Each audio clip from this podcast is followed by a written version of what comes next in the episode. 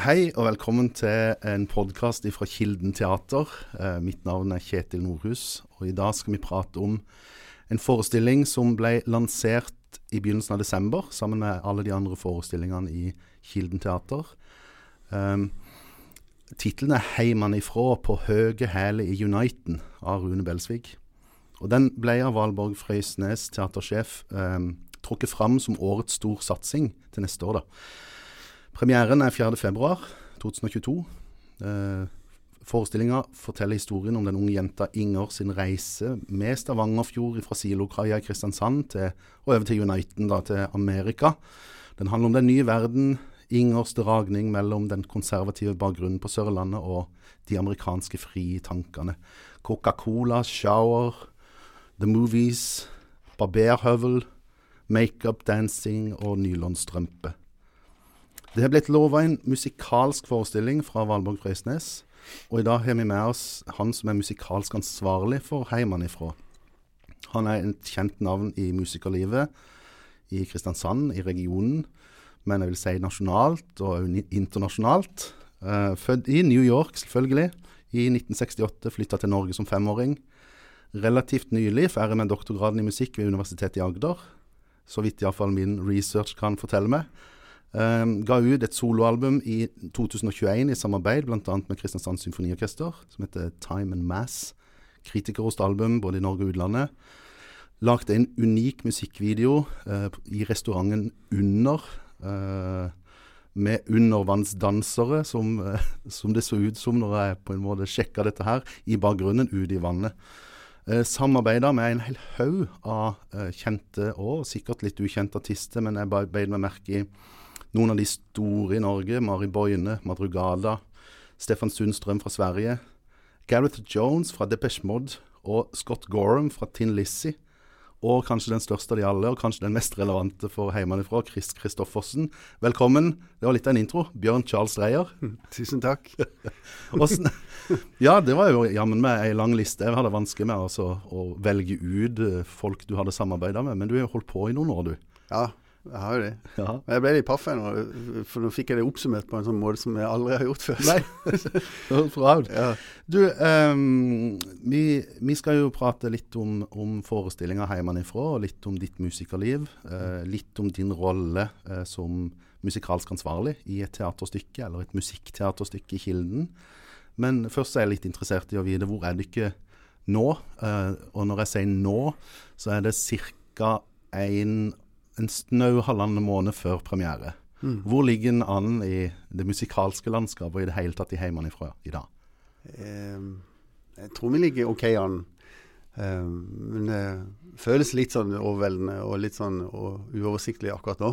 Men jeg, jeg har en god følelse, for så syns jeg mye bra talent i truppen og ja. i bandet. Så det er mye der en kan hvile, eller ikke hvile, men lene seg til. da, Og, og glede seg over.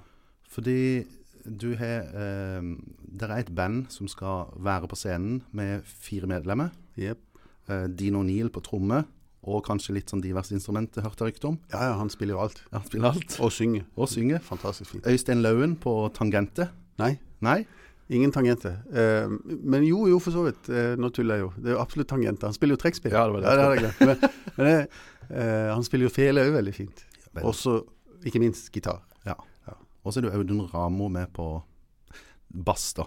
Riktig. Ja, Så spiller du gitar. Og Litt stilgitar. Litt stilgitar. Ja. ja. Herlig. Men i tillegg til bandet, da, så, så skal jo skuespillerne, har forstått det som, være veldig delaktige og synge, synge de òg. Absolutt. Og dette er skuespillere først og fremst, og ikke sangere. Mm. Eh, hvordan jobber du med skuespillere eh, musikalsk? Eh, det er første gang jeg gjør det. Men eh, jeg jobber med dem som om de er sangere, da. Og de er jo sangere. De er jo kjempetalentfulle alle sammen. her. Så det har vært veldig gøy, og en fin overraskelse. Fantastisk. Mm. Um, hva, hva, er det viktigste for dere nå i tida fram til premieren? Er det liksom bare mengdetrening, eller er det, er det er dere på detaljnivå nå, eller hvordan?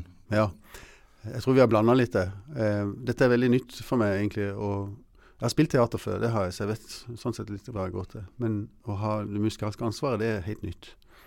Og som jeg sa i stad, litt sånn overveldende. Så jeg tror nok jeg har vært litt sånn blanding av detaljer og, og få det store overblikket. Men vi har um, tror vi begynner å få Vi har nok vært gjennom det meste. Det er fremdeles noe som vi faktisk ikke har spilt på. Mm. Men um, skal vi se, spørsmålet ditt var hvor er vi nå, ja? Mm. ja. Nei, det er vel det at vi har spilt gjennom, Ja. og så begynt å få form på noe. Men samtidig så har det vært litt vanskelig å gi det for klar form, fordi regissøren har ikke Vi har ikke liksom prøvd det ordentlig i scenene ennå.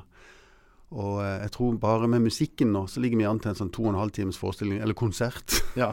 så, så det, og hvis vi da skal da legge til eh, skuespill, eller sånn teaterdelen av det, så er vi jo kanskje oppe i en femtimers forestilling. Så her er jo, ligger det jo an til mye kutt. da. Nå har jeg jobba på Kilden i et par år, og jeg har skjønt at det egentlig høres det ut som du ikke er akkurat der som en teaterforestilling pleier å være okay. i, på det stadiet her, så Ja. kan jeg ro deg helt ned. Ok, ja, takk. Ja, fordi, Som sagt så er det litt sånn uklart. I og med at det, akkurat den ansvarsdelen er litt ny for meg. da. Mm, mm. Men uh, tittelen 'musikalsk ansvarlig' for et Mm. sånt stykke, hva, hva er det egentlig det innebærer? Eh, Det vet jeg ikke, men i dette tilfellet så innebærer det iallfall at jeg har uh, Istedenfor å komponere så mye, så har jeg valgt å kuratere. Og egentlig ikke bare valgt, det ble på en måte tvunget fram det egentlig sånn som det lå an til å Mm. bli det stykket. Jeg så ikke noe eh, vei i hvordan jeg skulle komponere for den forestillinga. Så det ble å kuratere og finne masse musikk fra oppveksten min, egentlig. Og, og grave i et sånn bibliotek, nærmest. Uh, og så har det vært litt uh, aktuelt med noen sånne komposisjoner som har mer kanskje karakter av å være sånn contentum og underlagsmusikk. da. mm. Mm. Hvordan eh, nærmer du deg opp? Altså, hva, hva kommer først her? Må du først gå inn i manuset og på en måte skjønne veldig hva det handler om, og så tenke hva kunne passe musikalsk sett til å under, underbygge dette? Jeg tror faktisk jeg begynte før jeg fikk manus. Og, tenke, og når jeg fikk manus, så, da hadde jeg allerede en ganske stor liste med sanger som jeg kunne tenke meg å ha med. Og så husker jeg litt på hvilke sanger som var der, og så, så leste jeg manus, kjente litt på stemningen. Og så prøvde jeg å forestille meg hvilke sanger som kunne passe hvor.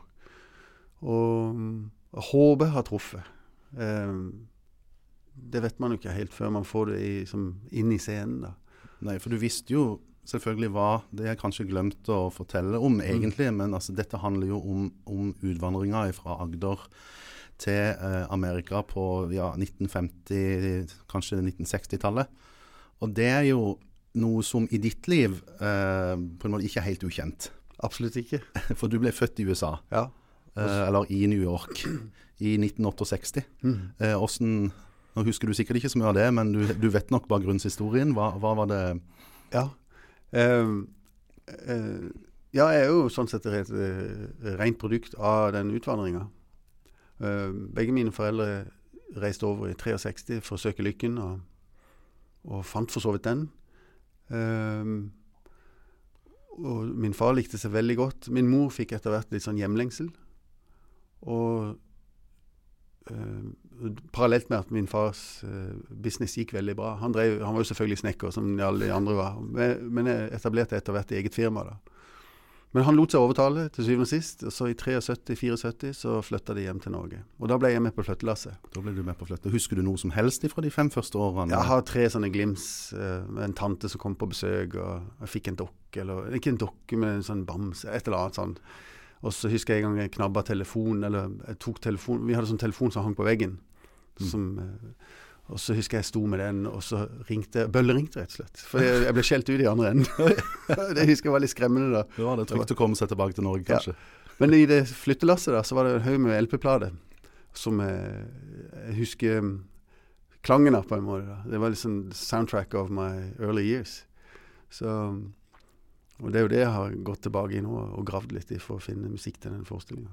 For jeg, føler du at altså, Nå hadde ikke du en helt unik historie, og jeg tenker nok det var en del som kom tilbake igjen, selvfølgelig ifra Mm. eh, New York òg, kanskje i den perioden der. Men, Mm. men, men på en måte var det noe som du kanskje i voksen alder sett tilbake på etter du ikke flytta hjem, som, som er sånn veldig tydelig prega av at, at den perioden til dine foreldre i, i New York Ja, ja. Altså, det var jo alt det der med teppebelagt hus når vi kom hjem, og det var mye fancy eh, sånn eh, ja, baderomsmøblement og alle mulige slags møbler, faktisk. Og klær. Og så husker jeg en ting som opprørte meg veldig. Det var skulle jeg sitt- se barne-TV, så var det sånn i sort-hvitt. Og jeg var eh, regelrett forbanna. For jeg kunne ikke begripe hva det der. Og foreldrene mine prøvde å roe meg og forklare at i Norge fantes det ikke farge-TV. Yes. Så det var nedtur. Men eh, så, ja, så har jo navnet mitt det. Det er jo en slags oppsummering av, den der eh, Mm. kulturen. Du nevnte litt om musikken i stad. For det, Ja. neste spørsmålet mitt var egentlig hvordan, hvordan du trodde dette her hadde prega for så vidt livet ditt generelt, men, men kanskje vi skal konsentrere oss mest om musikken, for vi har jo ikke, har jo ikke resten av dagen. nei, nei, nei. Um, du nevnte den LP-samlinga, eller Ja. grammofon, var det det? Ja, ja, det var jo LP. Ja. Ja. Um, og den har du gått tilbake til nå, i Ja. researcharbeidet. Ja, ja. Og, og hva fant du der for noe? Nei, altså det er Hank Williams, og det er Charlie Pride. Det er Kitty Wells, det er Patsy Cline, og nå husker jeg ikke flere i, i farta. Men um, iallfall de. Og Buck Owens, du har George Jones, og eh, masse jeg liker av dette her. da. Jeg lurer på meg, det har ikke alltid vært sånn. da. Nei, ikke sant, for jeg lurer på om jeg hørte uh, si noe sånn som at uh, country på sett og vis alltid vært en pleasure, men kanskje en litt sånn guilty pleasure. Ja, ja, definitivt. Jeg har mer sett på det som en sånn, et skap. Og kom ut av countryskapet. For I tidlig tenårene så, så interesserte jeg meg for musikk og var ganske tydelig på at jeg ville kanskje ta karriere i musikk. Det var jo jazzen som var liksom banen der, da. Men så hadde jeg sånn country-gen inni meg en eller annen plass, men du måtte jo for guds skyld ikke vise det. Det var liksom for eh, jazzen så jo ikke det inn, og iallfall ikke i jazzkretser, da. Nei. Så jeg har holdt det hemmelig veldig lenge, da. Og så, men på, nei, på tidlig 2000-tallet så fikk jeg så sinnssykt lyst til å prøve stilgitar. Så Forsiktig gjorde jeg det, og så Men så tror jeg det skjedde noe sånn parallell, parallelt med det så skjedde det et eller annet i kulturen i Norge òg, faktisk. Sånn at det ble mer åpent for både amerikanere og Eller nettopp den med amerikaner som ble populær, da. Så tror jeg det ble mer akseptert med både stilgitar og countrymusikk og opprinnelsen og Sånn så jeg fikk litt, kanskje litt drahjelp automatisk av det, da. Ja, Så nå eh, kom jeg ut av nå kom du ut av countryskapet, men er det første gangen på en måte du er helt ute av countryskapet Ja. nå i Ja, Ja, nå er det jo overtydelig, for å si det sånn. Ja. Så jeg driver og lurker litt på den stilgitaren og prøvd å få det til. Men, men jeg har jo hatt en sånn idé om å trekke stilgitaren inn i andre sammenhenger enn kanskje det som er countryen. da. Hmm. Og så tror jeg vi kan oppsummere eh, på en annen måte da, med at eh, jeg tror jeg har konkludert nå med Nå er jazzen på en måte litt sånn forbigått stadiet for meg. Eh, ikke det, det er masse ting man kan se på der, men Mm. sånn hva hjertet mitt ligger nærmest, så tror jeg faktisk det må være countryen og den klassiske samtidsmusikken. Og så er det da å prøve å forene de to. Det har jeg ennå ikke lykkes med for øvrig. Men jeg har ennå jeg har ikke gitt opp. Nei, så bra. Ja. Det er godt å ha noe å strekke seg etter. Ja. Ja, for du studerte jo eh, klassisk uh, gitar, var det det? Først? Ja, det gjorde jeg før, men det var egentlig i kulturskolene. det. Ja, med så Rolf, tidlig. Med, med Rolf Christensen og Reino Wilkammer. Riktig. Så uh, Men det er lenge siden, da. Og Men hvor tidlig var det du på en måte tenkte at musikken kunne være en vei for deg? jeg var 14. 14, ja. Mm. var helt konkret. Ja, det var, det var en ganske tydelig drivkraft der. Og så ble det det, da. Du, da var det Mm. først uh, musikklinje på videregående og sånne ting? da? Nei, faktisk ikke. Nei? Jeg, jeg, jeg gjorde ikke det. Men så begynte på konservatoriet etter hvert. da. Ja. Mm. Og da studerte du Elgitar. For jeg tok et valg rett før jeg begynte på konservatoriet. Ja. Skal jeg ta klassisk, eller skal jeg ta elgitar? Og så i samråd med læreren da, så fant vi egentlig ut at elgitar var mer moderne. da. Og klassisk gitar kan bli drøyt hvis du skulle satse på det som en sånn karrierevei. da. Du Mm. ender nok opp i fort som i undervisning. Og sånn. Jeg har jo sjekka litt med folk du okay. Kjenner, litt, er kjenner litt fra før. Og, og det som egentlig oppsummeres, eh, er egentlig en, en, en stor dedikasjon til det du holder på med. da. At du, oh, ja. du har alltid, alltid gått all in på, på det du har ønska. Uh, Yes. er en sånn der, eh, greie, for jeg har hørt, hørt det fra flere. Og en, en historie som kanskje understreker det litt. Uh, jeg vet ikke om den er sann, da, men du får avkrefte eller bekrefte her. eh, eh, om at du, det var kommet et uh, splitter nytt, nytt type effektbrett til musikk og film i, i Kristiansand. Og det, var- det kosta jo litt. Uh, du hadde ikke de pengene, men plutselig så hadde du fått tak i det. Men du hadde sagt ifra deg leiligheten for å få altså depositumet, så du kunne kjøpe det effektbrettet. Så da hadde du plutselig effektbrett, men ikke noe leilighet lenger. Er det noe som ringer deg bjelle der, eller? Du, eh, I så fall så har jeg prøvd Da må jeg ha fortrengt det, tror jeg. For, men samtidig så kan det høres litt ut som meg. Ja. Mm. For eh, eh, jeg har aldri vært eh, så god på langsiktig økonomisk planlegging. Samtidig så har jo det vært vanskelig da med en sånn jobb. Så Oi. Ja, ikke sant? Frilans musiker er jo ikke akkurat eh, Anyway, men jeg, klar, jeg husker det ikke helt. Men jeg har i hvert fall vært veldig opptatt av pedaler og effekter. Og, og var alltid nysgjerrig på det. Så, og, og i og med at jeg var ræva på økonomisk planlegging, så høres det kanskje ut som meg, ja. Jeg har fått den, den historien kommer fra to forskjellige. Så oh, ja, okay. ja. Ja. kan være en vandrehistorie, selvfølgelig. Ja. Men, men Eh, ja, jeg kjøpte har kjøpt noen gitarsynthesizer òg. Og, ja, og den samme kjøpte jeg to ganger. Og det, ja, ja, det er noe der. Jeg husker ikke helt hvordan jeg finansierte det. Men, jeg har, men jeg var neppe kriminelt. Nei, ja, det er godt å høre. Uh, du, men uh, den dedikasjonen til musikken, den må vel ha fått en slags prøvelse de siste par årene med covid, og at alt har vært så mye vanskeligere enn vanlig. Eller du har vært en aktiv musiker, en komponist, og produsert egentlig ganske masse du de to siste årene. Ja, jeg har jo forstått det. Det har vært både òg for min del. Jeg kom rett fra det der doktorgradsarbeidet, som på en måte var en slags isolasjon i seg sjøl. Ja. Og så da den var ferdig, så var det rett inn i en slags ny isolasjon. Så for meg så var det ikke så stor forskjell, akkurat det rent sånn arbeidsmessig og sosial i den, på den, i den forstand. Og jeg likte jo det arbeidet der. Doktorgrad var helt topp å jobbe med. Og um, men sånn økonomisk så har det jo selvfølgelig vært vanskelig. Men så har det jo vært ordning òg, da. Så, så jeg har liksom klart meg. Men det har jo selvfølgelig ikke vært lett. Det, det kan jeg vel si. Det Mm. har vel snarere vært utfordrende, ja. Ja. Men, men eh, det har ikke forstyrra liksom ikke produktiviteten. eh, Jeg greide liksom å konsentrere meg om å drive med musikk. Og, ja, for der virker det som at det der har vært eh, Det er litt sånn personlig hvordan folk reagerer på, på at sånne ting skjer. Noen har jo gått inn og vært mer produktive enn noen, noen, Mm. noen gang før. Mens andre har blitt helt paralysert. Mm. Um, den balansen som du har i din karriere akkurat nå med å gjøre dine egne ting, Mm. gi ut plate, gjøre spennende ting, sikkert òg på sikt spille live med, i litt større grad, Mm. og det å gjøre større prosjekter på sida, er det noe du ser for deg på en måte en framtid? Ja. Jeg håper jo å kunne få det til. Mm. Eh, Men de, går, de kommer jo ikke av seg sjøl, så det krever jo masse innsats. Ja. Det gjør det jo. Og så bygge det opp og stable det på beina. Ja. Fra gang til gang. Det er liksom veldig automatikk òg. Selv om det går bra den ene gangen, så er det ikke nærmest sagt det går bra neste gang. Du, jeg vil tilbake litt grann mot Ja. slutten her til hjemmefra igjen. Ja, Eh, ja. For nå er det jo altså Akkurat når vi spiller inn, så er det jo fem-seks uker til premiere. Um, og jeg har lyst til å prate litt mer om countrymusikken. Og altså, Vi har jo med en person i uh, produksjonen her som kanskje de færreste hadde forventa at skulle være med i en sånn type produksjon i Kilden, og det er Bjøro Haaland selveste. Ja. Eh, kan du fortelle litt om hvordan, hvordan det på en måte, hvordan det ble sånn? Ja. Eh, det var en drøm Valborg hadde det. Mm. Så, som hun da fikk realisert. Og så Jeg syns det var litt gøy, fordi eh, det har vært noen anledninger hvor på en måte byrået min vei har kryssa. Eller skulle krysse. Og så ble det ikke noe. Og så, men den aller første gangen er jo litt gøy, fordi det var way back in time. altså Vi snakker 30-35 år siden. Og eh, hvorpå det, mitt navn hadde kommet opp i et sånt privat lag hvor Bjøro var. Og de hadde prata om meg, og så hadde Bjøro konkludert at nei, kan ikke bruke han, for han spiller jo bare jazz. og det stemte jo for så vidt. da. Og så, men så var det en gang på slutten av 2000-tallet så fikk jeg henvendelse fra Liv eh, Haaland, kona hans, da, som fungerte som manager for han. Og lurte på om jeg var tilgjengelig for å kunne gjøre noe sammen med Bjørn. Og det hadde jeg veldig lyst til, da, men det var ikke tilgjengelig. Nei. Så dessverre så gikk ikke det. Men nå nå!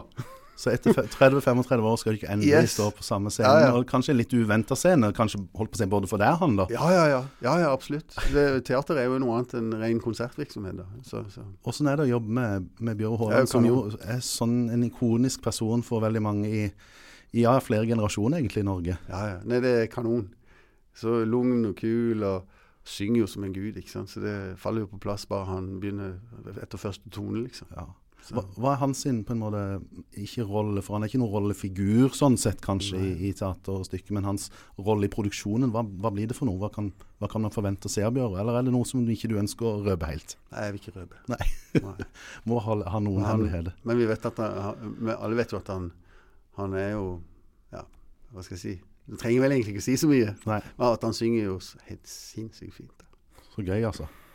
Um, eh, dette har jo blitt eh, presentert som en veldig sånn relevant forestilling for Agders eh, historie, egentlig. Mm. Eh, det er vel de færreste familiene i Agder, eller iallfall i det gamle vestfylket, som, som ikke er på en eller annen måte berørt av egentlig den historien som skal fortelles i Kilden nå i februar og mars.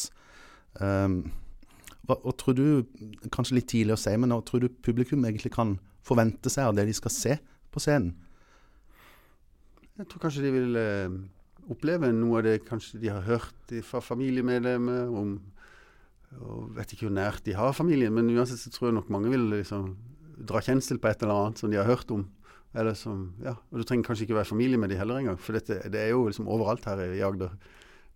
Selv om det begynner å bli lenge siden, så er det allikevel masse sånn eh, hva skal jeg si, rester av det, eller tegn på eller ja, at noen har eh, blitt berørt av den emigreringa på et eller annet vis. da. Ja, jeg fikk lov til å være til stede på første leseprøve. Ja, eh, ja. og det høres ut som et veldig humørfylt og humoristisk manus, da, skrevet av Rune Belsvik, som heller ikke er noen hvem som helst. Absolutt. Eh, jobb, jobb, skal du, altså jobber du og dykker i, som på en måte har ansvar for musikken, nå inn med sånn som regissøren og sånn i stor grad framover? Ja.